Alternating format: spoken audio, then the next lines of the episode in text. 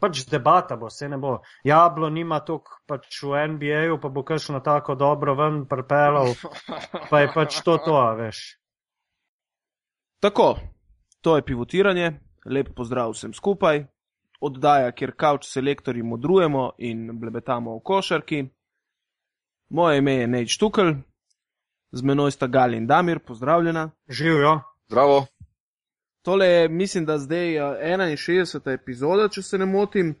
Uh, v redu je, da postaja tako število njih, da počasi že zgubljamo uh, točno sled in je treba za nazaj gledati, koliko jih je bilo posnetih. Uh, današnja oddaja bo nekoliko bolj uh, interaktivna, kar pomeni, da bomo imeli več dela v montaži. Uh, Gal, boš pojasnil, kako bo izgledala ta interaktivnost? Predvsem tukaj bojo na tapeti danes bojo uh, tradi in Ja. pokali. Ne? Ja, predvsem bomo mi trije interaktivni, ne? potem pa bomo vse skupaj vključili še našega zunanjega sodelavca z gostom. Moram povedati, da bo šlo za zelo eminentnega gosta, bivšega slovenskega NBA košarkarja. Predstavo ga bo pa potem Miha sam, da mu ne bom uh, skakal v zelje. Pogovarjali se bomo, ja, prvi del oddaje, tudi večji del oddaje bomo namenili NBA-ju in uh, noremu četrtku, zadnjemu dnevu, dnevu prestopnega roka. Seveda, predvsem zaradi tega, ker je bil tudi ena glavnih zvest, če ne kar ta glavna v tem prestopnem roku, Goran Dragič. Vsi veste, da je pet minut do devete ure zvečer prestopil v Miami Heat. Zgodila se je menjava treh ekip, tisti, ki ne veste. Uh, Zoran in Goran Dragič sta všla, odšla v Miami, Phoenix se je ukrepil z Danijem Grangerjem, Justinom Hamiltonom, nekdanjim košarkarjem Cibone in pa Johnom Salmonsom. Poleg tega so prejeli še dva nabora oziroma dva pika na naborih. New, York, New Orleans pa je bogatejši za Šona Williamsa in Norisa Koula. Uh, pa, vam- pa vaju bom za začetek kar vprašal, oziroma Damirja ali pa kar obano, uh, se vam zdi pravilna ta poteza, oziroma sta pričakovala selitev ravno na sončno Florido? Jaz? Ti Povej. povej. Ja, jaz, če ti po pravici povem, uh, je, sem nekako bolj navijal celo za Lakers in uh, New York. Konec koncev sta to, in Boston tudi, no, to moram priznati. Konec koncev so to, po mojem mnenju, še vedno tri največje franšize v um, NBA-ju, in uh, iz katerih bi imel Goran, če ne drugega, tudi večjo šanso, da postane all-star igralec. Uh, želel sem si tudi, da bi mogoče, če bi bil v Tradenu Lakers, da bi uspel še eno sezono odigrati ob boku Kobija Bryanta. Uh, ma, več različnih faktorjev je bilo, nimam pa popolnoma nič proti z uh, Miami. Mislim, to je tudi super del. Tako da, kar se mene tiče, lej, če je on vesel, sem jaz full vesel. Ja, na koncu koncev ima tudi v Miamiju tekmovalne ambicije oziroma z tekmovalnega stališča je Miami trenutno najmočnejši, ker vemo, v kakšni buli so Lakersi in Nixi in za njih Tako bo to je. veljalo še kar nekaj let, ne Damir? Ja, se strinjam. Uh, mogoče tudi jaz sem eden od tistih, ki je najbolj kriv, ko gledam Gogija, vedno govorim, ba, da je mlad, mlad, mlad, pa ni več toliko ekstremno mlad. In sedaj, če bi šel v Lakers ali pa v Nixe, bi dejansko kasneje prišel tekmovalno do tiste ambicije igrati vidno vlogo v končnici NBA-ja. Miami pa gotovo um, nekako ponuja to priložnost prej kot prej omenjeni uh, dve franšizi. Po drugi strani, to je pač ena, ena, en, en dogodek v NBA-ju, ki je popolnoma jasen. Nedavno so bili v finalih, uh, nedavno so osvajali prstane in uh, Pet Riley hoče čim, čim, čim prej prijeti nazaj na to pot. In dejansko z tekmovalnega vidika se je absolutno prav odločil. Uh, glede na to, da sem bil pa najmanj šestkrat, sedemkrat v Miamiju, pa tudi iz vidika vremena, mesta, mogoče nočnega In življenja. kubanskih sendvičev, ne? Ja, ampak recimo, recimo, recimo, da edino, kar se narobe odločil, se je za nočno življenje, kjer ga seveda upamo, žena ne bo pustila, ker tam je to še kar pestro, ampak dobesedno šalo na stran. Uh, pravilno se je odločil, tudi navajanje v končni fazi iz enega toplega mesta, iti ja. tako, uh, ne da je to nekaj odločilno. In pa še ta zadnja stvar, mogoče to so vse govorice bile za Lakers, New York tudi nekaj v tem uh, smislu razmišljal, ampak Miami je pa nekako trenutno izgleda kot najbolj konkreten v smislu, da bo res ponudil mu ja. petletno maksimalno pogodbo. pogodbo um, tako da Miami bo vedno poizkusil zaradi raznih prednosti, kot so sedaj pa šampionski pedigre, uh, topla država, no state tax. Velik uh, trg.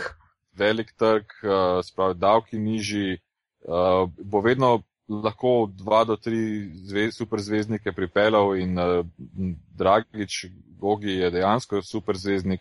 Mislim, da je bilo vsem jasno to na socialnih omrežjih, uh, kaj se je dogajalo glede njega. To je bila prava histerija že za, zadnjih, uh, zadnji dan in ta histerija ni bila v Sloveniji toliko, kot je bila ja. dejansko v Ameriki. Uh, tako da, če se že ni prav odločil, se ni nikakor narobe odločil. Ja, jaz sem, jaz sem to zadevo spremljal podrobno, od vključno srede in moram priznati, da me je predvsem na Twitterju, sem seveda to, to bil na tekočem. Goran Dragič je bil uh, kar nekaj časa oziroma skozi te dva, tri dni prvi po omembah na Twitterju, se pravi pred Lebronom Jamesom, ki ima vedno milijon objav, pred Kobijem Bryantom, o katerem se zdaj govori, ja se bo upokojil, ne. Se pravi, Goran Dragič je bil profil z največ omembami na uro. Mislim, da so cifre tudi številko deset tisoč presegle, kar je neverjetno in nepredstavljivo za nas, uh, slovence. Poleg tega pa bi še dodal to, da sta bila Goran in Zoran Dragic z ekipo že na avtobusu, ki je bil namenjen na letališče, s katerega je potem ekipa potovala v New York na tekmo, če se ne motim, ne? Ja. Uh, in so ju nekaj minut pred odhodom avtobusa poslali dol uh, in povedali, da je trade uspešno izveden. In uh, tako je kar nekaj igralcev Phoenixa pač zapustilo avtobus in odšlo. Uh, zdaj bom pa predal besedo našemu Mihatu, ki, ki se je o tem pogovarjal oziroma o podrobnostih glede tradeov, menjav, pričakovanih, nepričakovanih z našim znanim, zelo znanim košarkarjem, ki je kar nekaj let preživel v NBA-ju in zamenjal tudi nekaj klubov, pa naj on z prve roke pove, kakšen je občutek, ko te recimo trejdajo pet minut pred tekmo in tako naprej. Tako da prisluhnimo Mihi in njegovemu gostu. Ja, tako kot so fanti prej že povedali, bova zdaj le malce govorila tudi s košarkarjem, ki ima nekaj tudi grenkih izkušenj s samimi tradi v ligi NBA, vsekakor pa zdaj le pozdrav tudi na Cipr, kjer je Primoš Brezec. Živo. Uh, živo, lep pozdrav. Uh, Primoš, v tej epizodi bomo govorili in fantje so pred nama, pa še kasneje bodo govorili o prestopu, ne samo Gorana Dragiča in Zorana Dragiča, ampak tudi ostalih prestopih v ligi NBA, ki so se dogajali sredi uh, oziroma ob koncu prejšnjega tedna. Uh, Uh, ti si zdaj na Cipru, do tega prestopa je prišel malce po lažji poti. Uh, čeprav tudi ti si v bistvu se zelo hitro mogel odločiti, da greš iz, iz Slovenije na, le, na letalo in potem na Cipr. Ja, je bilo kar blizek, no, tam uh, bi se lahko rekel, tam v NBA uh, tradu. Uh, jaz sem uh, v ponedeljek sem bil ob 9.10. začer še v fitnessu, me klical moj agent Boris Gorenc, da če bi šel na Cipr, pa že prej mi je nekaj omenil, da ga skozi kliče, če bi šel, če bi šel, sem šel na Cipr. Je, taka situacija, no, kao, da ni denarja, da ima kriza in to. Tako da v, v ponedeljek pol mi je to rekel, da so pristali na te pogoje, ki smo se vsi njom zmenili in če bi lahko že prišel v torek zdaj, če bi čez 8 ur, ne, koliko bi do 7 zjutraj bil let, ne. Ja. Se rekel, da ni ni šans, da ne morem, ne. Kao, lahko pa v sredo, ne. Potem smo se zmenili v sredo ob 7. Sem imel avion, sem spakiral v torek. Uh, prišel tle ob treh popovdne, šel hitro na res zdravniški in uh, na avtobus in za Nikoze, ker smo igrali že prvo tekmo, ne, se pravi, izhod direkt z letala, brez tekme od aprila sem igral 32 minut. Ne. Na svežino. Na svežino, na svežino. Sem pa bil, ej, sem pa bil spreman, ne, veš, da se, se veš, da sem skozi delo, skozi sem bil v fitnessu, igral tenis, tako da sem bez, bez ba, žogo pa, pa nič. Ne. Ja, ja, dobro, body attack se mora nekje poznati, ne? Pa se tu, ne, body attack, body pump, lej, to je vse, tu je pomaga, res pomagalo, no. Tako da sem bil, sem bil kar uh, presenečen no, nad samim sabo. Zdaj, verjetno ti je pomagalo tudi tiste pretekle izkušnje iz lige NBA, da si se v enem dnevu mogel odpraviti. Eh, Tukaj sicer nisi selil celotne družine in uh, vsega svojega imetja, kot si to mogel početi v, v lige NBA, ampak a so to močni šoki za, za košarkarja? Pa so šoki, veš, so šoki, ko imaš enkrat družino, to je res uh, pol naporno, ne. Uh, lej, če drugače smo že navajeni, ne, lej, skozi to pakiranje, je to najbolj sovražno, ne, pa potovanja, pa že v Rusiji, ne, skozi moraš pakirati, pa hoteli, pa avioni, pa dvorane, tako da, tako da tu zdaj, no, le sem se na brzino spakiral, no, tako da, le, izkušnja, izkušnja dela svoje in uh, mi ni bil nek uh, večji problem, no. Dobro, zdaj, Tudi, tudi, malo stvari, tudi malo manj stvari sem vzel, ko nisem šel na minus 30, ne sem šel uh, na egzotiko, ne, na, na sunce, ne, tako da je bilo lažje res. ja, verjamem. Dobro, tvoj prvi trade je bil poleti, ne? po treh sezonah, mislim, da Indijane. Takrat v Charlotte ja. Bobcats in je, je to bilo verjetno varianta, ki se je pripravljala več časa. Ja, zelo lažje, no, ko si poleti, ne, pa če je off-season, uh, imaš več časa, da urediš, da šipneš avte, uh, spakiraš, vse let, tako se ne, ne zgleda tako ful uh, zakomplicirano. Lej, tu pride ta moving company, uh, lej, ti spakirajo zobno ščetko, pasto, vse lepo v škatle in uh, lej, gre, ti ne, ti ne rabiš mrdent, uh, ne. Tako da tu je v Ameriki res uh, dobro organizirano, ne. Tako da, kot sem že rekel, je pa malo teže za familijo, no. Ja, dobro, dokler, uh, dokler v bistvu si ti pripravljen na to zadevo, da greš, ampak Ja. recimo ti si potem imel zadeve, ki, ki jih nisi mogel predvideti in niso To nakazovale na to. No. Tu pa res, no, to, to, ko si že rekel, tu z Indijane sem že vedel, ne, teden, dva prej mi je že ag- agent rekel, da, da, da me bojo Bobcats izbrali na tem eh, expansion draftu, tako tu sem vedel, da sem selil poli Charlotte v Detroit, pa iz Detroita v Toronto nisem imel blage veze. Ne. Lej, v Charlotteu sem se vozil, sem šel na tekmo, se, se grev pred tekmo, si oblekel že dres in me je poklical uh, ta head athletic trainer, pač, da bi GM rad govoril z mano in pol že veš, koliko je ura. Ne. Tako da pretekmo direkt in še vem, da na TNT je bila tekma, mi je, mi je pol, uh, res so mi rekli pač, da sem zamenjen v Detroit, jaz pa Walter Herman in uh, Nič, se pozdravil z svojimi igralci, spakiral to, kar sem imel, copate in tu in domov in uh, pakirati, ne, in po naslednji dan sem leto že popovdne ali zjutraj že za Detroit, ne. Ja, pri nas se to zdi dosti večja težava ne, v Evropi, oziroma ko tako, tukaj govorimo o košarkarjih, ki menjajo, menjajo okolje. Recimo. Uh, tam si v bistvu to mogel sprejeti to igro, ne glede na šok, ki si ga kot oseba doživel. Pa ja, le, to je v Ameriki en velik profesionalizem, profesionalizem ne. Tam, tebe, tam si ti v bistvu blago, ne. Uh, tu se te se menjavajo, vse, vse, it's all about the business in tu moraš pač sp- sprejeti, ne sme biti nobenih hard feelings, ne. Zdaj, včasih je težko, sigurno, ne, samo, lej, tak, tak, tako ti je življenje profesionalca, ne, tako da čim prej se sprijazneš to, s to realnostjo, boljše za tebe, no. Uh, potem iz Detroita v Toronto, mislim, da Ja, isto sem bil isto pol- v zaključku meseca zaključ- februarja, ne zadnji dan. Ja, ja, lih ni, bil- ni, takrat pa ni bil deadline, sem bil, se mi zdi, malo prej, uh, sem bil traden, pa lih za deadline se niti sam ne vem. No. Tudi sem bil v dvorani, nekaj treniral, me je poklical Joe Dumar, skal, da, da ima deal na mizi, uh, jaz takrat bil zahvalan Dixona, on je prišel iz Detroita, iz Toronto, v Detroit, jaz kle. Takrat pa se spomnim, da sem se še bolj na brzino spakiral, ne. Tu sem zvedel ob enih, ne vem, zjutraj sem šel malo, ni bilo treninga, se spomnim, z kokoško in da je bil, ko je bil takrat, ne smo nekaj individualno trenirala. Aha, Gru, ne- Gruzijec, ne? Ja, ja, ja, mislim, Srbi nekaj je že Ja, vrsto let. no ne, ja. pomoč- ja. Uh, ob 11, ob 12 sem zvedel, le šel domov, se, uh, tudi spakiral, vse nabil avto in potem sem se kar pelil, ne, iz Detroita v Toronto, še ne, 3,5-4 ure, ne. Ok, dobro, to je Tudi kar se ja. tiče tebe. Kaj pa potem uh, družino, ti si imel sabo, ta mala je tudi že v bistvu pol že, že mal vedela, zakaj se gre, ne? ni bil zdaj tu Ja. dojenček, da ga spakiraš. Tu, ja, to je res, ne, ja, težko je, ne, pol Šarlata, vem, da na, zna, da sta prišli sta malo v Detroit, vse smo spakirali, pa ko smo se, se imeli stanovanje v Detroitu, In pol spet treden, on je nazaj v Charlotte, jaz eh, v Toronto, pol so prišli v Toronto in tako kaj, kaj sem, ne veš, ko je. Je, lahko, za familijo ni lahko, ne, ni, ok, če ti, če, ti, če ti otroci ne hodijo v šolo, je nekoliko lažje, ne, pol pa če hodijo v šolo, pa je, pa je kar zajemno, ne. Besede pa nimaš pri tem, ti agent, kdorkoli. To so se Ne. oni dogovorili, edino kar je, je to, da ti plača ostane približno enaka, oziroma tukaj ti ne morejo posegati. To pa res, Konkretno. ja, ja, ne, ne, ti, ne, ti težko, težko, ko lahko vplivaš na to.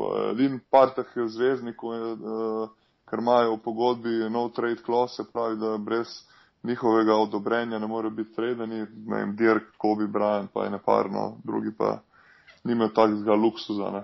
Se pravi, ja, se pravi, ti nisi imel eh, izkušnje in, in možnosti tega, da bi recimo sedel pred računalnikom in spremljal informacije, bil na telefonu, čakal, kaj se bo dogajalo.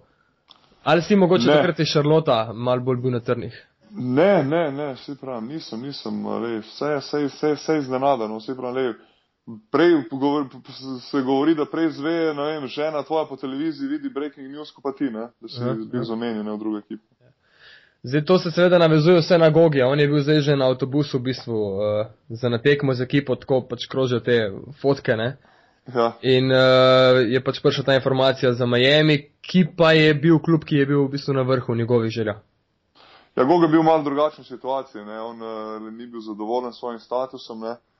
Uh, v Phoenixu tudi meni zelo ne, nerazumljiva kao poteza njihovega GM-a, da je pred sezono podpisal še enega pleja, Zeja Tomasa, se pravi, oni so imeli tri starting point guards, ne, tako da ne vem, ka- kakšno, kaj oni delajo ne, in uh, kako gradijo tim, da.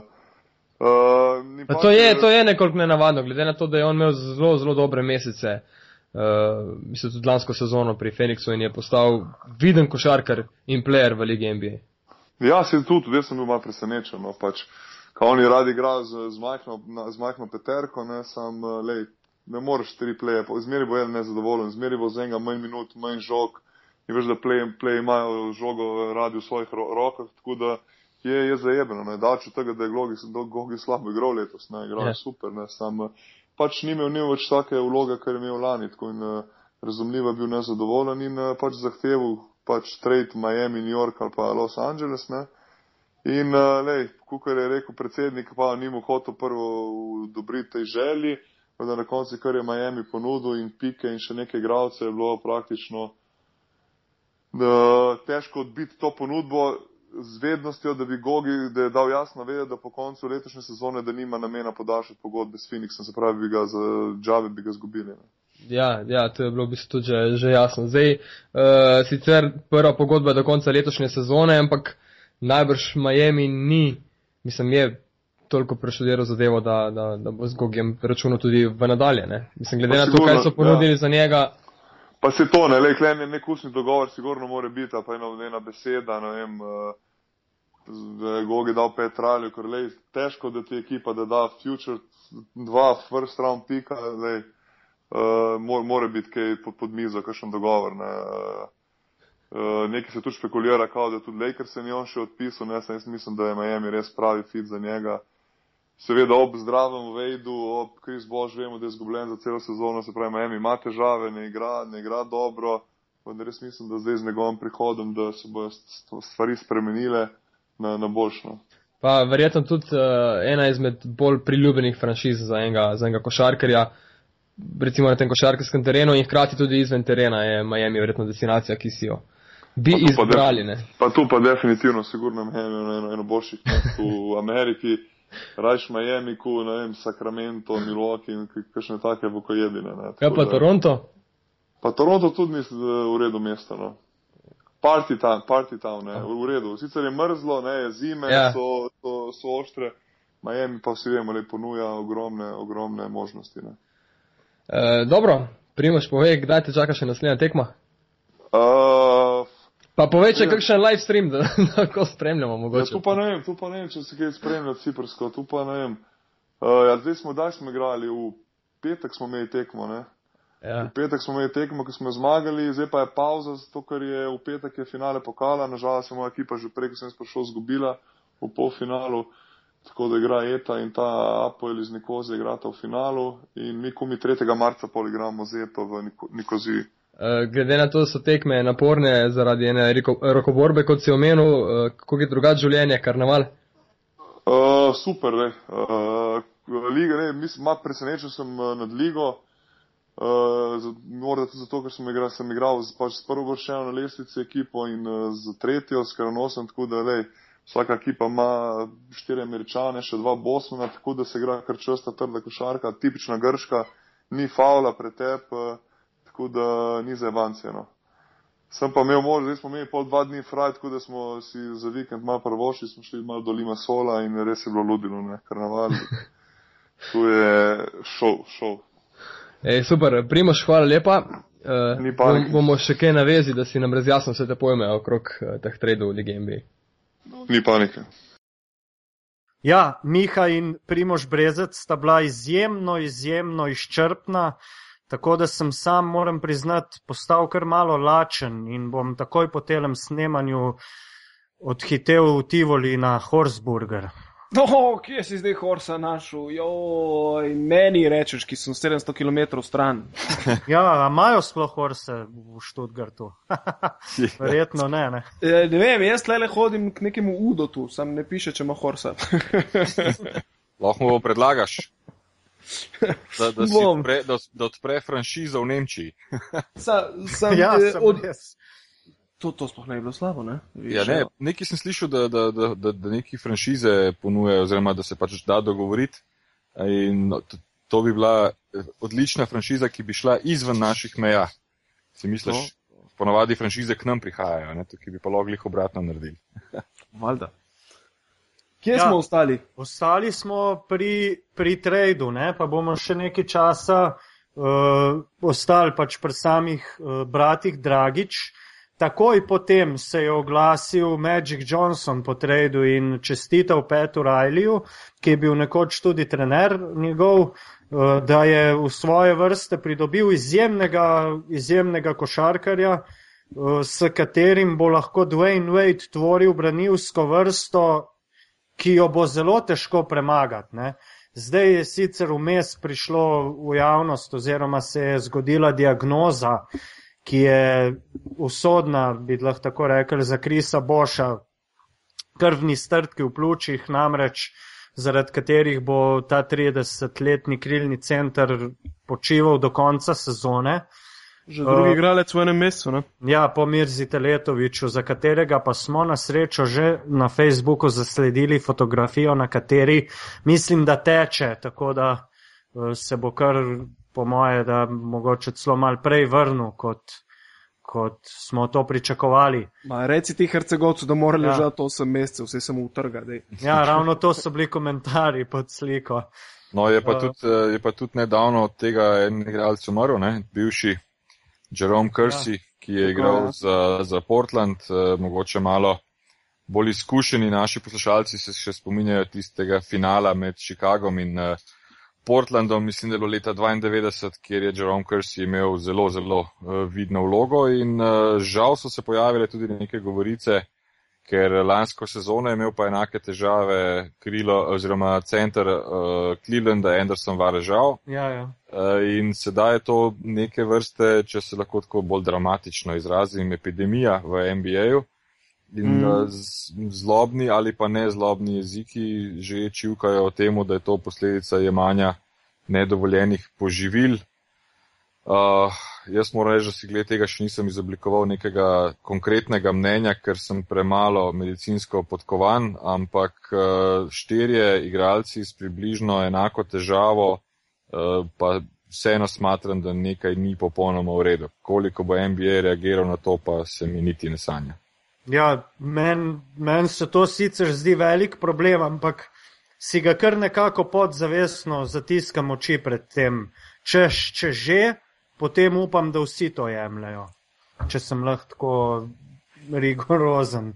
Uh, pa pejmo še mačka naprej k, sami, k samemu sistemu Miamija, ki, ki je zdaj z, z Goranom Dragičem se bo precej spremenil, hočeš nočeš. Slišali smo tudi že trenerja, ki je rekel, da bo igro prilagodil Goranu, ki je bistveno hitrejši od cele ekipe Miamija.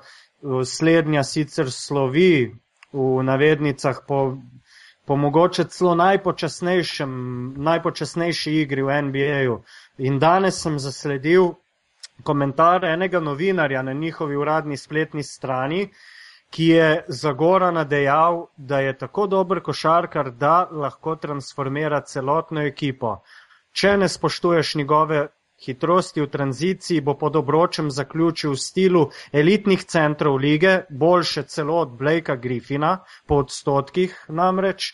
Ko bo opazil luknjo, jo bo izkoristil in prodrl pod samo broč, če si mu na poto bo izsilil kontakt in kljub temu zaključil, če boš pa skušal skočiti skupaj z njim, bo pa našel kot, ki ga ne boš moral doseči, mogel doseči. Damir, se ti strinjaš s tem, da, da je Goran dejansko lahko tako velik faktor v Miamiju. Absolutno. Enega igralca je že transformiral, uh, malo v šali za začetek, in to je Mario Chalmers, ki je malo pred tem tradom začel igrati spet uh, na, na, na, na veliko, veliko višjem nivoju.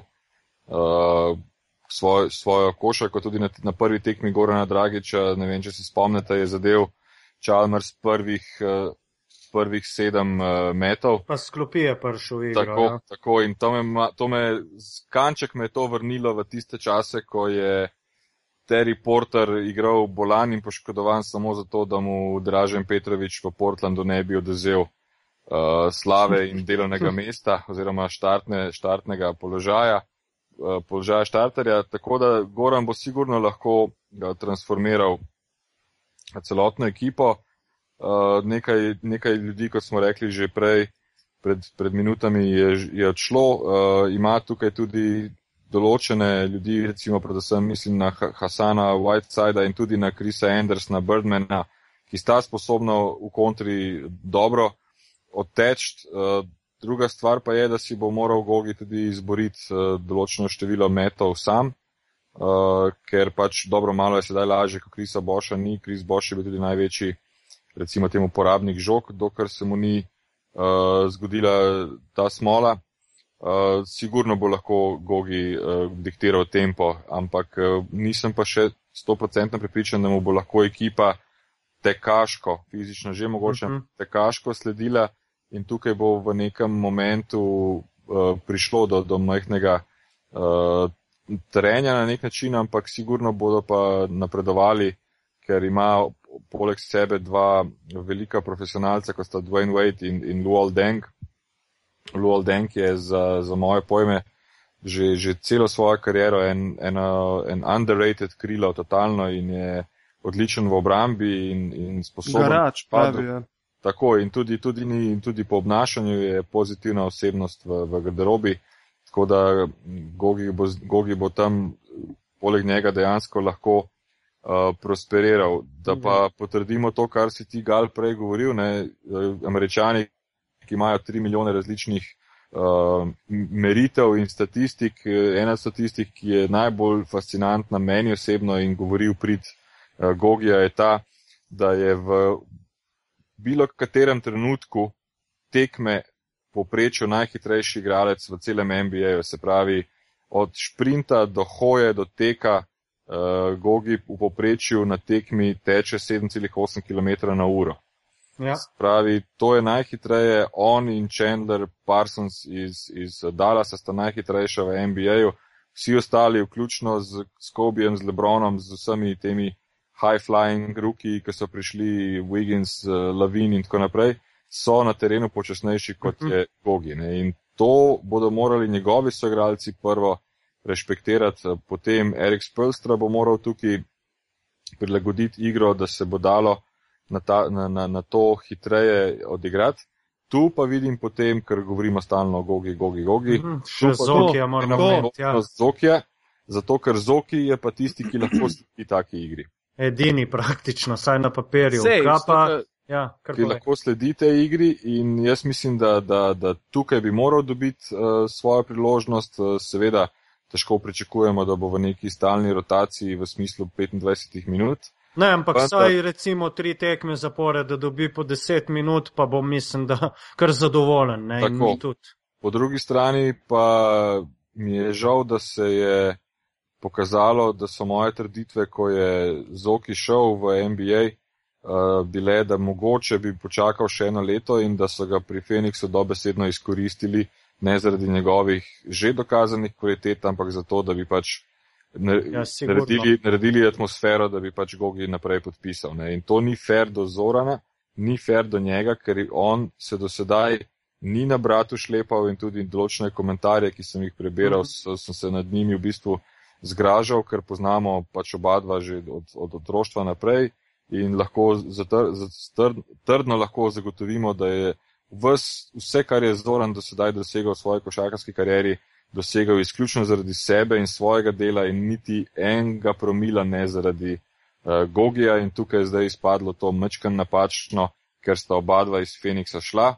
Uh, dejstvo pa je, da Phoenix z uh, Zoranom, ki mogoče tudi ne bi bil zadovoljen, če bi sam ostal tam mm. Mhm. pozabljen od vseh, uh, tudi nared, naredil vseeno dober posel v tem smislu, da je oba dva poslal naprej Ja. da, da, da ni razcepil. Prej, prej kot slej pa mislim, da bo Zoran moral svojo identiteto poiskati eh, stran od Gogija, kar se tiče samo NBA. Tako kot jo je uspešno poiskal v Unikahi, kjer je iz leta v leto napredoval eh, z, z velikimi koraki, tako mislim, da, da bo mogoče celo v NBA-ju potrebno, da se zgodi. Ne pozabimo, da ko Gogi, če podpiše dolgoročno pogodbo, ima Zoki še zmeri samo enoletno pogodbo po tej sezoni in bo treba nekaj, bo, bo treba potegniti določene odločitve, ampak ima pa tukaj upam, da bo Spolstra uspel nekako to videti, eh, da, da ima neko možnost, da, da, da prebije vsaj tisti konec rotacije in odigra svojih, ne vem, 10 do, do, do 12 minut na tekmo, ker sem pripričan, da bo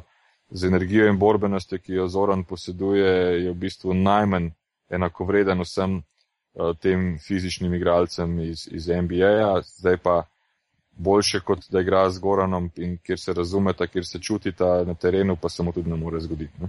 Ja, jaz sem še tlele vskočil z enim komentarjem glede Phoenixa in njihove politike klubske, ki je po moje jasna samo njim, pa še njim vprašanje. Ne? Po eni strani so si, so si z Zoranom skušali zagotoviti izhodiš, boljše izhodišče za pogajanja z Goranom, po drugi strani so pa v isti sapi pripeljali, bom kar rekel, Indijanca, ker je zdaj šel v mojo ekipo, Isaiah Thomas, seveda, ne, ki, je, ki je povsem porušil tole ravnovesje na, na, na bekovskih položajih, sploh na, na playmakerju. Ne. In, in to je skregano z vso logiko, če mene vprašaš. Potem so pa prišle še neke, neke puščice strani GM-a Phoenixa, eh, da še vedno imajo dva najboljša igralca v Eriku Bledsoe in Markifu Morrisu v ekipi. Eh, Dobro, da, te puščice, kolikor Ja. ja. jaz vidim, oni eh, zmeraj mečejo ven, ko kakšen igralec ne želi podaljšati z njimi in si ga oni želijo obdržati. To nekako pri Phoenixu se mi zdi, da je to kar bila, ja, s tem, da oni kar vsak so- je bil ja. izdajalec, ki je šel. No, tako. Ja, S samo tem, da če bi oni drugače postopali prej, ne, zakaj bi ti dvema organizatorjama Ja. ja. igre, ki sta oba dominantna, zakaj bi ima pripeljal še enega, ki ima 1,75 m, z vsem spoštovanjem ne sodim ljudi po, po centimetrih, ampak ko bi saj pripeljali nekoga, ki bi lahko še na dvojko šel, recimo, ne, ne cementiranega playmakerja so pripeljali, ki je prej igral v kante ekipi, imel sicer popreče 20 točk, ampak tako se to ne dela, ne, in sami sebi so nekako vrgli bumerang, ki se jim je odbil zdaj v glavo, ne. Ja, samo tukaj, tukaj bi jaz uh, absolutno ne, ne branim, jaz Phoenixa, ker ga nimam za kaj, vesi, za koga jaz v resnici skos navijam. Ampak uh, ti si gal tukaj zelo emotivno vezan na Gogija, kar absolutno razumem in, in respektiram. Samo ne pozabi pa, da je Phoenix dolgo časa bil v pad poziciji z Bledsovom, uh, kjer se ni vedlo, bo podpisal pogodbo ali ne bo kjer se, kjer se je v določenem trenutku govorilo tudi o tem, da štiri mesece ni bilo komunikacije med front officem in Bledsovom glede podaljšanja, kjer je Bledsov dokazljivo uh, bil injury prone igralec zadnjih dveh let in uh, Phoenix se je moral na nek način uh, zagarantirati, kaj bo naredil, ker če se pa spomniš, da so bili tudi v Phoenixu igralci, kot je Archie Goodwin, kot je Ish Smith, Ja. ki so bili backupi. in Pa še na draftu so eni so vzeli. ne. Ja, in so bili, in so bili slabi backupi in je tudi se videlo, da je zadnji dve tekmi, ki sta bili odločilni v, v sezoni, ko se, ko se Phoenix ni uvrstil v playoff, je takrat tudi uh, Gogi pregorel, pregorel in to prav fizično pregorel in v zadnjih dveh tekmah, ki, ki, če bi jih zmagali, pa bi šli v playoff, uh, v zadnjih teh tekmah ni bilo možnosti, da bi sploh kdorkoli potegnil voz in ga je potegnil Gogi, dokler je imel uh, zadnje atome moči, kar je bilo premalo. In so si tudi takrat rekli, da verjetno pač eh, ne bojo šli v te variante, da bojo Gogija samega pustili. To je bilo takrat dejstvo. Druga stvar, ki pa je, zdaj pustimo, kdo ima prav in kdo nima. Eno, je, eno so naše emocije, eno je pa pač kronološko stanje. Uh, Gogi je izjavil, upravičeno, za mene upravičeno, ampak izjavil je, da ne zaupa front officeu. Front uh Mhm. -huh. office je pa odreagiral tako emotivno, kot si ti sedaj to s vsem srcem povedal, da dejansko, ker s tem mora krivda nekako sebe dol opret, da, da pač, eh, da ne ponavljam izjav, ki si jih ti sedaj povedal, Ja, ja. se povedal. To je ena taka človeška, to je en tak človeški odgovor, če ti jaz rečem, jaz ti ne zaupam nič, pol pa grem, ti pa lahko proti Ja, meni ja. udrikaš in jaz v bistvu, če trezno razmislim, sploh nisem pričakoval drugačnih odgovorov iz Phoenixa. Je pa vse skupaj eh, dokazljivo skozi eh, nekaj let eh, težava v front officeu Phoenixa še kar velika. Po drugi strani so pa izpadli, zakaj so lahko tako vehementno komentirali, ker so pripeljali iz Milwaukeeja Ja. Brenda Knighta, ki pa je uh, odličen igralec in ima še zmeraj svetlo prihodnost, prihodnost v NBA-ju, ker je mlad, tako da so lahko bili zdaj po domače povedano pametni. Ne? Ne, vse, vse jaz ti njih razumem, ampak, ampak To je folklora, to je folklora. To je Am, ne, sej izjave mislim, razumem, ne razumem pa teh potez. Jaz, da sem jaz GM, uh, ne bi, ne bi Tomasa šel vleč z dolgoročno pogodbo, uh, ker v vsakem primeru ti moraš imeti pač v glavi neki, bom podpisal Blecova. Še zmeraj raje ostaneš na dveh, kot da imaš tri, zaradi česar so potem vsi trije nezadovoljni. Ne? Ja, ja, samo. Pač, ne Gogi- vem, pa, pa Gogi jaz je- bi to Gogi rekel, tudi če ne bi bil Gogi. Sej, dobro, to je- Ne, sam Gogi je naredil nekaj drugega, eh, kar je pač. eh, Gogi je nehote, eh, bom dva izraza uporabil, nehote je pljunil v lastno skledo in nehote je pokazal še enkrat, da je dobrota sirota. Zakaj? Ker je Gogi pokazal, da je sposobna dvojka. Ne? In ker je pokazal, da je sposobna dvojka v paru z Bledsovom, so oni računali, da bodo imeli tako imenovani uh, Ja, organizatorji igre bo imel eh, Tomasa in pa, in pa Blecova, medtem ko Gogi je pa sposoben odigrati dvojko. s tem, da so Vendar- ga tudi na trojko dali. Ne, tudi Dobro, trojke. to, to, se, to se zdaj potencira, ampak ni res, da je on trojko igral 70% primera. Ne, ne, to ne, Eh, in, ampak tudi ni bila, in tudi ni bila težava v tem, da je on igral trojko. Težava je bila v tem, da v sistemu igre je on obstal v kotu. In ja. Gogi vemo, da je najbolj uh, učinkovit, kadar ima imaš žogo v žogo rokah. ja. in kadar kreira. Iz kota ne moreš kreirati nič. Ne? Tako da, uh, ker je pa pokazal, da je sposoben dvojko igrati, so si oni pač uh, imeli roke v tem smislu, jo, zdaj imamo pa tri sposobne, s tem, da, da jih lahko menjamo kadarkoli na enki, pa še Gogi je sposoben dvojko igrati. In to se jim je pač izjalovilo in Gogi je bil vsako, vsako tekmo na nek način bolj in bolj Mm, sfrustriran, ker če se spomnimo sezono, je dokaj poprečno začel, potem se je nekako malo ujel, eh, potem pa spet, spet ja. naprej ni bilo. Ne? Dobro, tako da zdaj je pač ta situacija, No, kakršna je. Tukaj bo imel možnost dejansko voditi ekipo, svetlo prihodnost, dolgoročno pogodbo. Um, No. po, moji oceni, po moji oceni najvišjo pogodbo v zgodovini slovenskih športnikov in uh, Sigurno. zdaj pač mu je samo zaželeti srečo. Ne? No, pa da se bom kar navezal še eno stvar, glede, pustimo zdaj Phoenix, ker to je preteklost. Zdi se mi, da bo v Miamiju tudi nekako lažje on sam igral na eni polovici, recimo napadalni, ker ima več soigralcev sposobnih saj solidnega pick and rolla. Če izuzamemo Boša, ki ga ne bo, so tukaj Anderson, ki zna nekaj odigrati, Heslem in Whiteside, ki so, mislim, da kot scena celota v pick and rollu boljši od, od tistih big menov v Phoenixu. Imam prav? Ja, do, do, do neke mere imaš s tem, da Heslam recimo je zdaj že tok star, da, da niti ne želi veliko sodelovati v pick and rollu, ampak je Pick bolj and pop pa šut. tako, tako, s tem, da to ni trojka, ampak uh, tam okrog, uh, Ja, okrog prostih metov ja. in tako naprej. Ne? Ampak uh, ja, s tem, da je pa tudi določeni riziki so, Hasan Whiteside ima za sabo neverjetna dva meseca, se pravi ne dve leti, ampak dva meseca. Uh, to še zmeraj ne pomeni, da je to to, ne? ker vemo tudi, da se je on potikal po raznih eh, D-ligah in tako naprej, predn je prišel do tega, kar sedaj eh, kaže in še zmeraj velja za eno ogromno presenečenje. Uh, mislim pa, da bo Miami mogoče, mogoče še moral potegniti kakšno potezo pred 1. marcem, ker 1. marec je zadnji rok, da podpišeš pogodbo s komorkoli, da lahko potem ta igralec igra v playoffu. In tako kot je bil trade line, mogoče se vrnemo spet na to malo, tako kot je bil trade line eh, ekstremno zanimiv, ker je 40 igralcev zamenjalo klub, kar je rekord dosedanji v zgodovini trade linea v, v NBA-ju. Mhm. Uh, tako zna biti zanimivo tudi 28. Um, 28. februarja, zato ker bodo ekipe še iskale neke free agente, ker pač tradeov ni več, ampak free agente, uh, da se ojačajo pred playoffom in Miami, ki je trenutno, mislim, na sedmi poziciji na vzhodu, s to ekipo brez Boša ne bo zdržal v, v playoffu in eh, mislim, da je možno, da bodo še koga poskušali pripeljati prvenstveno na poziciji Krisa Boša.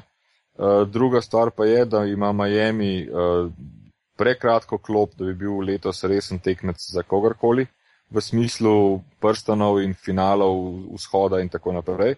Uh, seveda to je objektivno zaradi Krisa Boša, ki ga ni, ampak mm. tudi nimajo neko menjavo na, za, za Luola Denga. In uh, tudi pri, v centrski liniji Whiteside, kako, kakor, je, se, kakor se je povspel kot meteor, lahko tudi kot meteor pade. Zaenkrat še zmeri to velja. Chris Anderson je pa igralec energije, hasla in, uh, in, in, in vseh teh tudi stvari ob igrišču. Ja, ne moreš Medtem- pa na njega pa računati. Tako, da bo pa imel neko poprečje 13 pik pa 10 skokov na tekmo, pa pač ne bo imel. Ne? Tako da ekipa Miamija se bo morala pojačati, če ne za, za to končnico, pa pač za naslednje Ja. leto in tukaj vidim priložnost spet malo več uh, Zokija in pa Gogija, da bo povedal dokaj solidno močno ekipo. Pa še in pa tudi to seveda, da igrajo na vzhodu, ki je sedaj pa mislim, da že. Ker lahko prideš s slabši. 40 odstotki na, v playoff. Tako, tako. Ja, um, uh, E, Samo malo, tle bi vaju še nekaj uh, vprašal. Zdaj, ko se je zgodilo, sama sta rekla, teh rekordnih 40 tradeov, ne? Uh, dejte Ne, ne, mi Tradov je bilo 11, 40 igralcev je zamenjalo. 40 igralcev, to. Ja. to. Hvala. Uh, kateri od teh tradov, kateri igralci so vama najbolj padli uh, v oko in so vam bili najbolj zanimivi, uh, glede, če izuzamemo Dragiče? lahko jaz prvi ali boš ti. Damir? Komod. Komod. No, meni iz spet iz emo, emocionalnega stališča, sicer pač uh, sta dva. Ne? Prvi je Kevin Garnett uh, iz Brooklyna v Minnesoto. Back Gre za, gre za bodočega Hall of Famerja, ki je v Minnesoti oziroma Minnesoti dal svojih 12 najboljših let v karieri, bil tam MVP lige in vse ostale zadeve, še zdaj je rekorder po točkah, skokih in podajah, mislim, da celo. Uh, potem pa še uh, seveda tale Isaiah Thomas v Boston, kjer ne vem tudi, kaj mislijo z njim oziroma kaj bojo sploh delali, uh, ker kot kaže bo on zdaj tisti lider, mogoče je dober, ker ne računajo na vrstitev v playoff, tako da mogoče se bo on tam malo razpocaval, pa je to to. Potem pa še tole, ne, trije, še dva pleja, Michael Carter Williams v Milwaukee in pa Brandon Knight v Phoenix. Uh, pri Johnnyja ti bom pa pustil. Ma ne, sej, jaz enostavno pri, pri Johnnyju uh, sem hudo razočaran nad, nad američani, kako ne cenijo takega gospoda, Lisjaka, mojstra, mislim, on je mešanica med Sir Oliverjem in Bobby Charltonom, kar se tiče samega obnašanja in, in gracioznosti na terenu. Ne.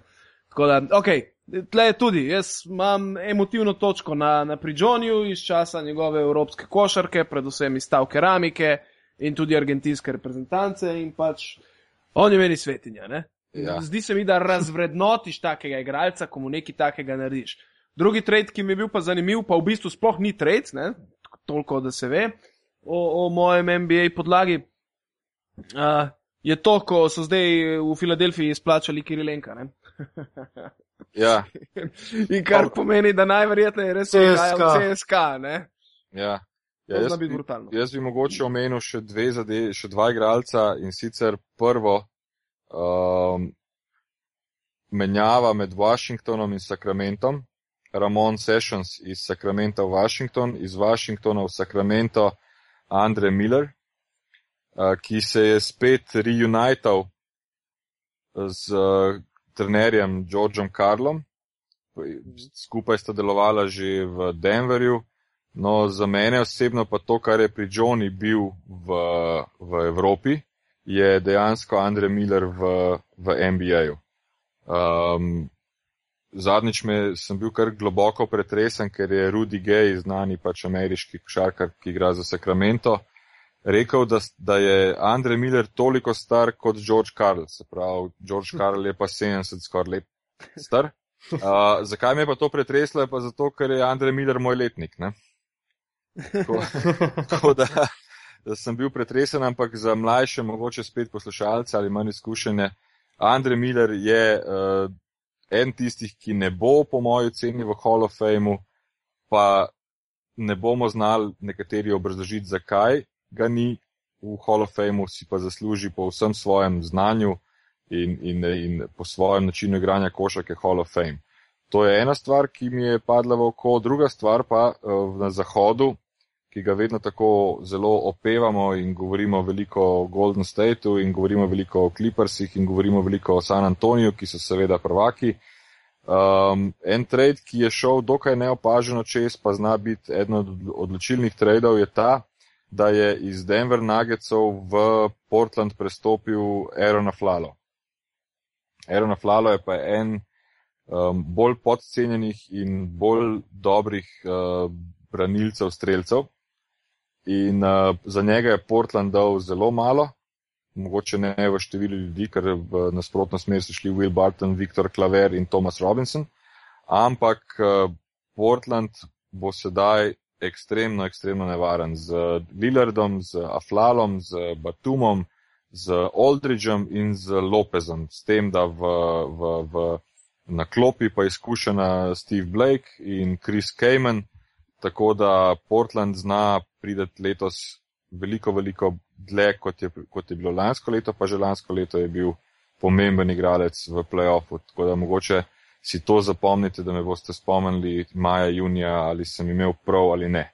Tako da to mislim, da je še vredno bilo omeniti, pa mogoče še zadnja omemba igralca, ki ga zelo, zelo radi gledamo v Shacking a Full, Uh, namreč Javel Magi ni več član Denver Nuggetsov, ampak je član Philadelphia 76ers in sam si ne bi mogel misliti, da obstaja v NBA boljši klub za njega kot klub, ki je tarča posmeha že zadnje tri leta. Ja, res je.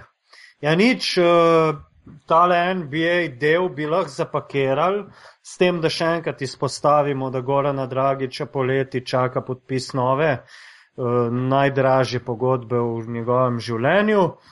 Pa še za intermed so čist ena informacija, da je Velimir Perasovič predlagan bil v toku snemanja te epizode za hrvaškega selektorja, kar se je že nekaj časa napovedovalo.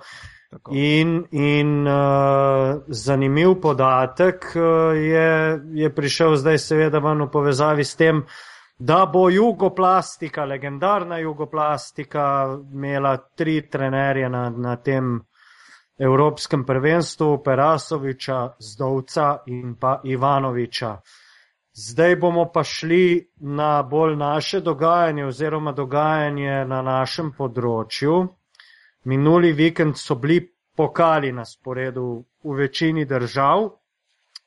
Pa bom kar predal besedo tukaj le pa Nejcu, ki je bil celo, cel tale del bolj ali manj tiho. Pa Ne, ne, se meni prav naredi- paše, veš, prvič poslušam pivotiranje v živo, evo. pa, pa lahko ti narediš tale preskok, eh, verjeten boš kar s slovenskim pokalom začel, oziroma kakorkoli ti je volja.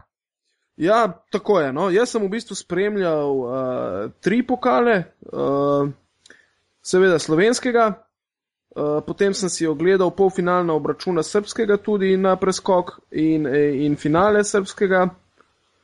In uh, ogledal sem si še tudi finale uh, kumov v Turčiji. Ne? In kater te je najbolj presenetil, ali pa ne, kater ti je najbolj dal uh, neki, neko stvar, da si jo razmišljal, da si jo analiziral, vse vem, da brez veze sploh sprašujem. Ker... Ja, ja, ne, ti to, ti to prcaš, to, kar smo se že pogovarjali. uh, ja, zdaj tako, v bistvu z največjim užitkom sem pogledal tekmo EFS uh, proti uh, Fenerju. Uh, zelo pozitivno me je presenetila, v bistvu ni me presenetila, no, ampak krasno so odigrali uh, pivovarna Laško, tako v polfinalu proti Olimpiji.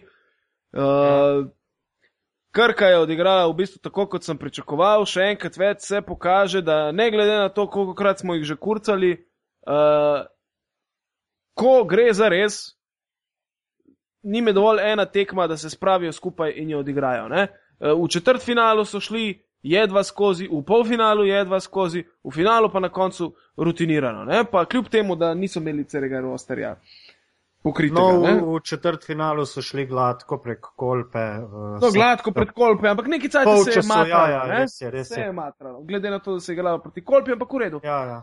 Znajo, znajo odigrati, ko je treba. Ne? Pa In, imajo- in jaz ti povem, tudi, tudi če bi recimo Olimpija bila v finalu, mislim, da Krka ne bi imela težav. Uh, Ja. zdaj, eh, polfinalna tekma med uh, Olimpijo in pivovarno, ne, ni več pivovarna Laško, samo Laško je zdaj. Ne? Ja. Zlatorok. Zlatorok, je, je, veš, ne.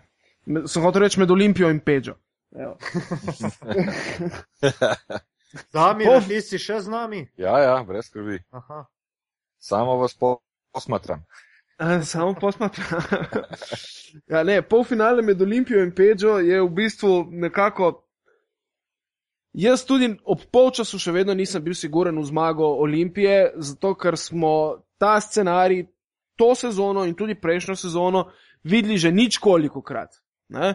In v tistem trenutku, ko se je zavohalo, v bistvu že takoj po prvi akciji, v drugem polčasu, ko so uh, laščani ukradli žogo in iz kontra zadeli, si videl, da je energetski nivo čisto drugačen pri laščanih. Videl si Pečo, ki je skozi bil na outliniji, skozi krilo z rokami in, in videl si nekako pipana po njegovi govorici telesa, kako je vedno bolj uh, otožno zgledal in vedno bolj se vsejo dol, vedno bolj pasiven je postajal. ne. E, še ena izmed stvari, ki se je njemu stokrat dogajala že to sezono in tako da, kaj sem, meni je bilo žal, da nisem s tabo, evo. Ja, jaz sem med tekmo tvitnil, ne, da mislim, da ob zaostanku, oziroma ne, o prednosti Laškega za 13 točk, to je bilo seveda že bolj proti koncu, je Peča skakal kot, kot na trampolinu, krilil z rokami, pipanje pa bolj ali manj križem rok stal. In tudi uh, še tole zanimivost, nov trener Unijo na Olimpije, se pravi Memi Bečerovič je po prvem polčasu tekme, tekmo zapustil in šel domov, ker je mislil, da bo to Olimpija zvlekla. Jaz sem pa imel podoben občutek kot ti, sploh zaradi tistega niza, eh, ko, je, ko so laščani z minus 19 do polčasa znižali na minus 11.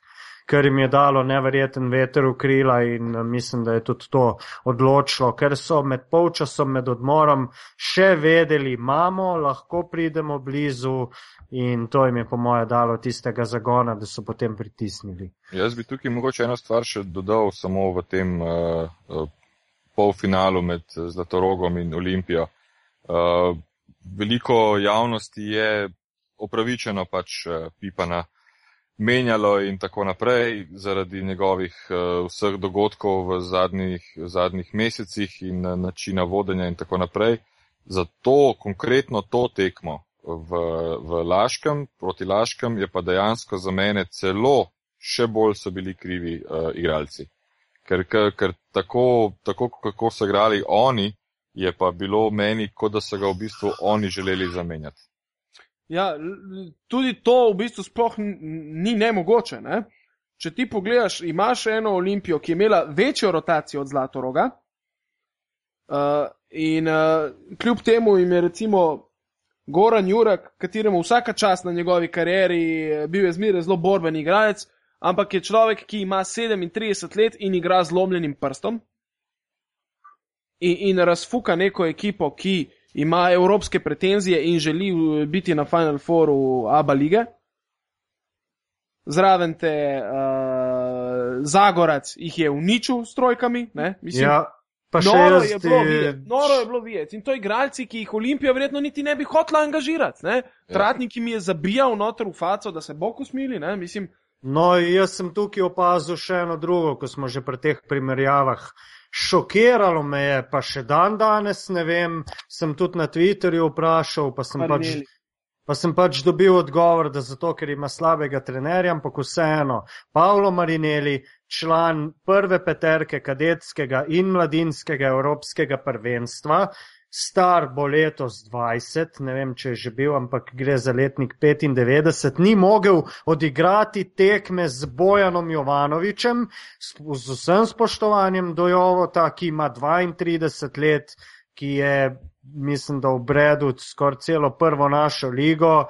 Mislim, kje je tukaj, kaj, kaj si počel z Marineljem v zadnjih dveh letih, da on ni sposoben proti klubu iz vrha prve lige odigrati, kaj si z njim počel, mi ni jasno. Kaj si počel z Vučetičem, da ni mogel odigrati niti pet ali pa desetih minut, mi tudi ni jasno. Tako da jaz sem tukaj ostajal brez besed. Ja, dobro, sicer smo zdaj doživeli spremembo, tako da mogoče zdaj ne bi več niti mrtvega konja pod narekovajem tepli. Ne? Ne, vse ne, tu, tu mislim na Je pa- celo ta klubsko tekma- ta politiko. tekma- ne. ta- To ja, ampak ta tekma mislim, da je marsikomu, ki navija za Olimpijo, dejansko ga je, ga je tekma pustila odprtih ust, ko je bilo konec tekme. Ker jaz osebno, eh, da so naredili minus 30 v, v manj kot 30 minutah proti eh, Zlatorogu, za katerega absolutno, tako kot si ti prav rekel, vso spoštovanje Peđi, ki ima opus dela, ohoho, vse spoštovanje vsakemu od igralcev, Zlatoroga, ampak proti Olimpiji, ki je mimo grede, kaj sem se jaz sprašval, ki je mimo grede en, en pet dni predtem eh, dobesedno držala budučnost na desetih točkah, celo tekmo razlike in dokaj, dokaj prepričljivo zmagala, eh, budučnost je pa druga ekipa Aba lige. Um, tukaj zato pa krivim igralce za, za to samo tekmo, krivim igralce še bolj kot, kot uh, Pipana, ker dejansko sem imel občutek, da je to neki bojkot, ne morem se izogniti temu, pa zaradi tega, ker je bilo minus 10 uh, za, za Olimpijo oziroma za Laško, medtem ko so Laščani izvajali proste mete na minus 10, se v ozadju na kameri vidi, kako se Marinovič uh, pogovarja z Jovanovičem in se smeji kot, kot rečen maček, uh, tekma je šla pa v franže. In te, to, to je za mene bojkot. Jaz ne bi upal, pa kdorkoli sem, se ne bi upal na tekmi, kjer samega sebe na nek način blamiram, se smejati o prostih metih pač s eh, igralcem iz nasprotne ekipe. To, to, to mogoče nikoli ne bomo niti izvedeli in tudi ni potrebno, da izvemo, ampak tam je bilo nekaj več kot samo, uh, da je bil uh, Pipan pasiven ali karkoli že. Enostavno tam se mi zdi, da so igralci odpovedali po celi črti psihološko in da so mogoče imeli tudi neko željo odpovedati in tako naprej in da se potem takoj po menjavi Pipana začela kar neka gnojnica uh, usa, usajati oziroma zlivati po, po, po tem, kakšni so odnosi znotraj kluba in tako naprej. In tu je recimo za mene odgovorno tudi vodstvo kluba, da pove samo sebi, kaj se dogaja, zakaj ne reagiramo pravočasno, zakaj, uh, ko reagiramo, smo dejansko finančno ponavadi tepeni, zakaj podpisujemo zadeve, ki nas potem uh, tepejo, bodi si finančno, bodi si rezultatsko, ker potem ne moremo uh, prav, pravočasno prekiniti določenih stvari in tako naprej. Po drugi strani pa predlagam, da se tudi po, tem, po tej dokaj žolčni minuti, ki smo jo imeli glede tega polfinala, tudi obrnemo na to za mene svetlo temo in sicer uh, Memi je prišel. Memi No, pa je, da bom sam, sam še tole mi pusti, ker si glih rekel, da nek tihi bojkot pa to, ne? ja, Danes sem bil na tiskovni konferenci, na kateri se je Memi Bečerovič predstavil in ob nekih istočnicah, da bi to lahko bila, da bi to lahko bil bojkot zaradi neizplačil in teh stvari, se je oglasil direktor kluba Zupančič in dejal, da so igravci plačani redno in da sicer obstajajo neke, neke višje, višji zneski dolgov, ki pa so do teh štirih košarkarjev, ki so v klubu dlje časa, Salina pa ni več. Mislim, da Omič, Da so- Salin, Rupnik, eh, Murič. in pa Lošek. Murič, ja, to, so, to je ta četverica, do ostalih pa naj dolga ne bi bilo in da, da po njegovem to ni razlog, če pa je, je pa nekaj hudo narobe v njihovih glavah. Tako da Seveda jaz- ne, ampak tole je Ja. tralala, razumeš? To, ker vprašanje je bilo eno, odgovor drugo. Tlele se ni šlo zaradi tihi bojkot kluba do plač, ampak se gre tudi bojkot za to, da se mogoče trenerja odtera. Ne? To pa, to pa, To, te, to, to. šanso In- pa in- in- dopuščam. Sej. Jaz mislim, da tudi na, na sami tiskovni je bilo vprašanje razumljeno, vendar se je pa odgovorilo v drugo smer. ja. To pa ni prvič, da se take zadeve odgovarjajo v drugo smer. Ego šta, in tukaj jaz pogrešam novinarje, ki naredijo, niste razumeli vprašanja. In še enkrat Ne, ne, ponovim tukaj, tukaj je Mateuš skočil sam od sebe, Ja, ker smo, mi, ker smo mi napeljevali na to, da bi mogoče lahko kakšen igralec uh, zaradi tega, ker pač ni plačan. Ja, ma ste dovolili, da vas se seka, to je problem. Ja.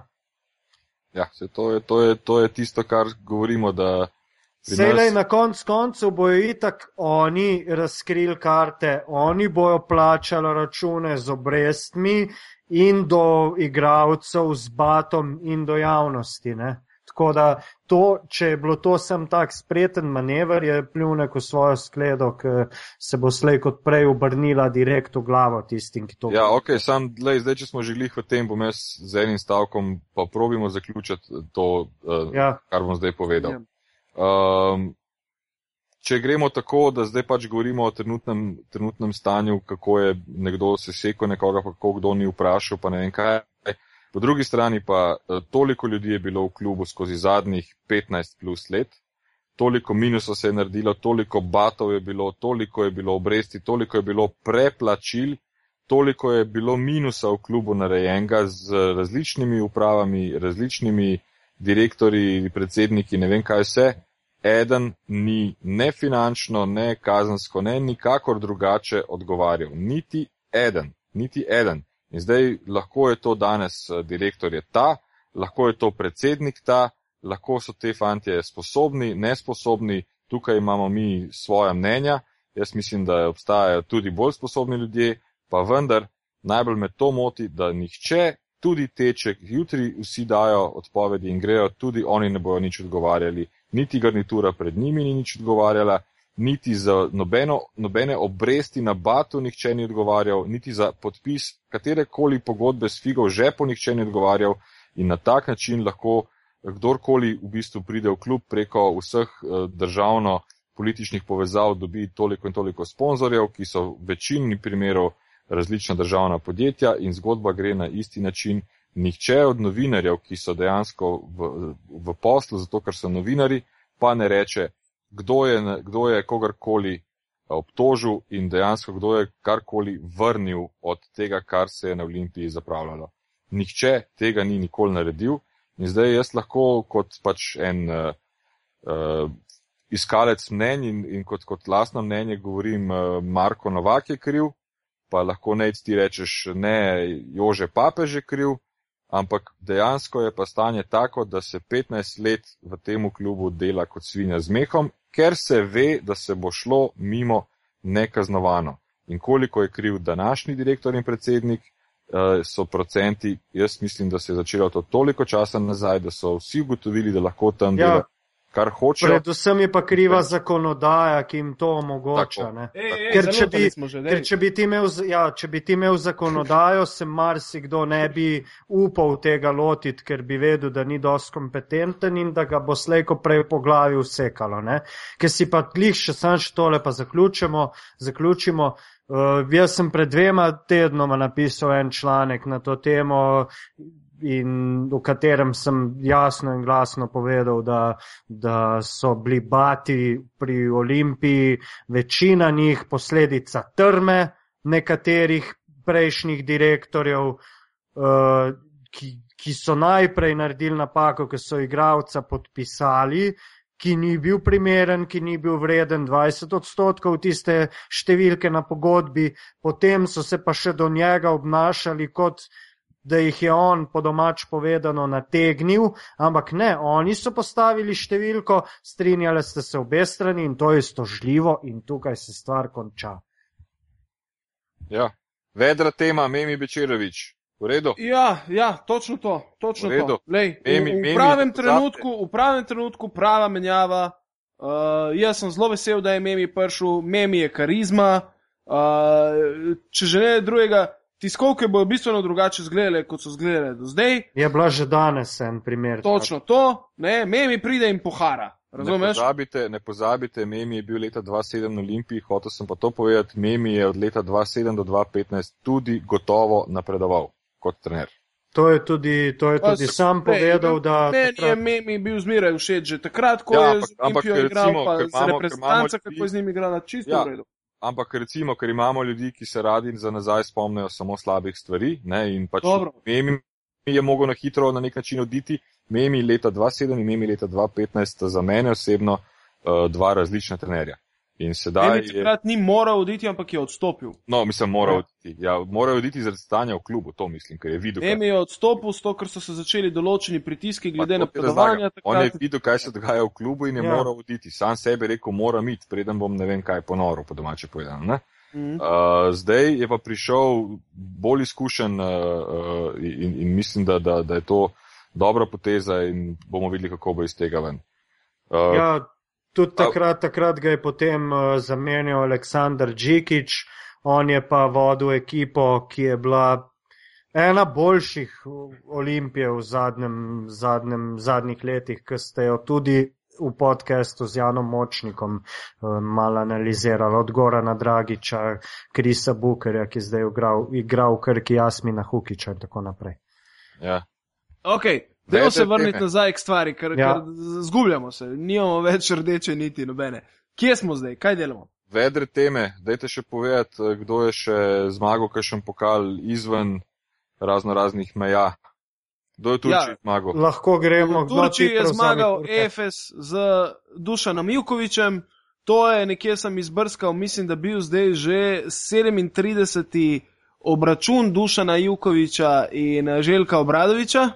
Koliko je rezultat? 36. 36 je bil, 19-17 je za Dudo. Za Dudo. Se pravi, Ja. učitelj je še zmeri boljši. Še zmeraj boljši stari lisjak. Čeprav ima ekipo mogoče malo slabšo. No? Ja, ja, dobro. Ja, ja, ja, sam ima boljše selektirano. Ja. Kdo je v Španiji zmagal? Real Madrid, 25. naslov kraljevega pokala. A je Real Eh, Madrid zmagal ali je Barcelona izgubila? Kaj je bilo Ne, ne, je kar, je kar Real zmagal, ker, ker je Barcelona. Ja, jaz sem prepričan, jaz sem mislil, da bo šlo lažje. Ne? Ja. Ja, jaz pa mislim, da je Barcelona izgubila to finale. Okay. No, jaz pa, jaz pa mislim, da ne, ker z enim razigranim igralcem, uh, pa še to je center, ne? ker je Zoran Martič lepo povedal, center v redu daje pike, skače, ampak tiste ključne mete, ko bo treba povleči, po pravilu dajo beki ali nizka krila in tukaj po moje ni bilo dileme, pa še Navaro je mal zasoleral na koncu. No, dilema je blak, če ne, ne bi bilo šest pik na koncu. Ne? Ja, ampak, ampak če pogledamo, Real je Barci omejil med za tri točke, ki je bil katastrofalen. Uh, Real je omejil zunanje igralce Barcelone, dodal je svoje Pasqual in vse skupaj recimo, da je, da jaz bom rekel, da je Real zmagal. No. CD-vita, Ja. Zadar. Tukaj pa je recimo Zadar, lahko rečemo, da je Zadar. Zgubo. Ja. Mislim, da je vodil za 18 točk že. Ne? Imeli so so govorili- tudi sodniki neki Ja. vmes, ampak pustimo to. Ja. Pa dobro, veš kako je. To sodniki je zmeraj tako. Ne? Ko, ko začneš ti izgubljati prednost in ko zgubiš momentum, potem tudi reagiraš na vsako sodniško odločitev. Ne? Tako, kot je, tako kot je, ko je Olimpija izgubila s Cibono, evo spet se vračam. Ja, Tako, ko, ko je. Olimpija izgubila s Cibono, je vodila za 19, potem izgubila in pol na koncu je bila tekma pokradena. Ne? Ja, seveda, takrat skačeš na vsako sodnikovo odločitev in ti več nič ni prav. Ne? In Ante si ustvariš Nazor. lahko subjektivno sliko. Ne? Ante Nazor, boljši trener od Jasmina Repeše.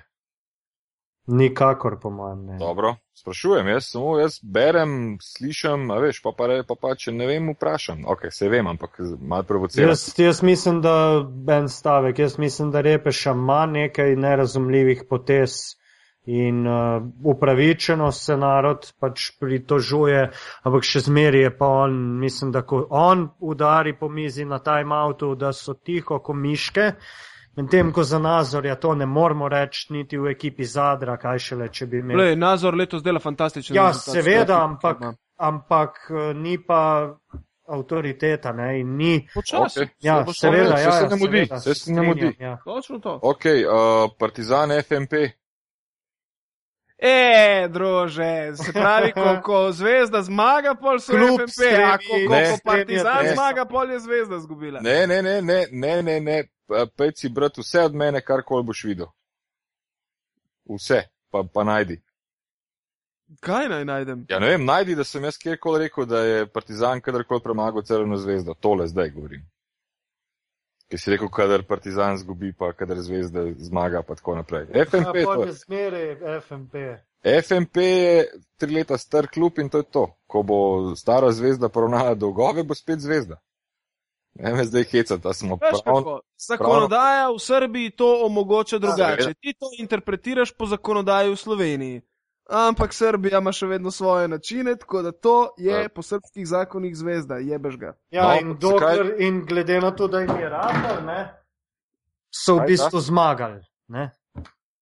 Pač Ja, ne, seveda, ston so, so, so, je nastal nov klub, dobro, navijači so isti, ime isto. Mogoče istočnica za Olimpijo, da se reši dolgov hitro. Ja, kaj, da prepiše lasništvo v Srbijo? Ne, da se imenuje Olimpija ena, ne. kaj pa vem. Ja, veš, kako je Pa s tem svež, pa, zgodba. svež, pa svež denar, pa, pa v Abu ligi osvojiti prvo mesto, pa si v Euroligi v enem letu. Ko pride v Slovenijo svež denar, je vedno se ljudem odtrga in, in Olimpija Dobro, ma- več njihova. Malo mal sem, mal sem provociral, ker, ker imam to pravico, po drugi strani pa finale, kot sem razumel, z Mego ni, ni bil mači kašelj. Ni mi mači kašelj, mega je do ne. konca vodila. V Tako bistvu, kot- ne? Tako kot lani isto. Ja. S tem, da lani so vodili že blizu 20 točk, letos pa tam okrog 10. Ja, so se morali kar potruditi. Okay. A je to, na, je to nadaljne, nadaljne, nadaljno padanje forme zvezde ali pač slučajno? Ne. Mislim, da Jaz- tudi na tem mislim, da nivoju pokal, lahko gladko premagajo vse v Srbiji in v Abaligi. Pazi, eh, ti moraš Mislim, vedeti, da so, da so ja. Mega in Zvezda igrali že dve tekme tudi v Abu ligi in da je vsakič bila Mega blizu tega, da jih preseneti. A, a je to zaradi tega, ker je Milojevič bolj. Ja, uh, to se, to se motiviran. nekaj govori, da, da vedno proti Partizanu dajo hlače dol in dajte nas, ne proti zvezdi pa grizejo do konca. Ne. ja, se pravi, Jaz ja. tukaj, jaz tukaj ne, bi, ne bi se opredelil, Te, ampak te, govorice, te Ja. govorice je letos podaril Aleksandr Džikič, ko je dejansko Partizana premagal sred uh, Beograda, ne? Skrko. Tako je. Ja, ampak ti, da to je, to je pač ja, ne, rekla, kazala. zmanjšujem, ne zmanjšujem vrednosti te zmage, ampak mislim, da bi še kakšna slabša ekipa od Krke takrat njih zmagala. Ne, smo, rekli smo, da je Krka dobra ekipa. Mislim, ja, ampak pravim, da še kakšna slabša od Krke bi Ne, to sem- to sem Partizan dobila eter, da me- takrat. To sem rekel v eter, zato da me kakšen PR-ovc ne bo Ja. spet grabo za kaj. ne. Čeprav z- z- sem rekel, da, da ne, ne zmanjšujem pomena Krkine zmage. A ne, samo še opravičujete se, no, v kaj smo pretvorili tole, dovolj. Ne, je, ne, ne, dovolj ne, vse se ve, vse se ve.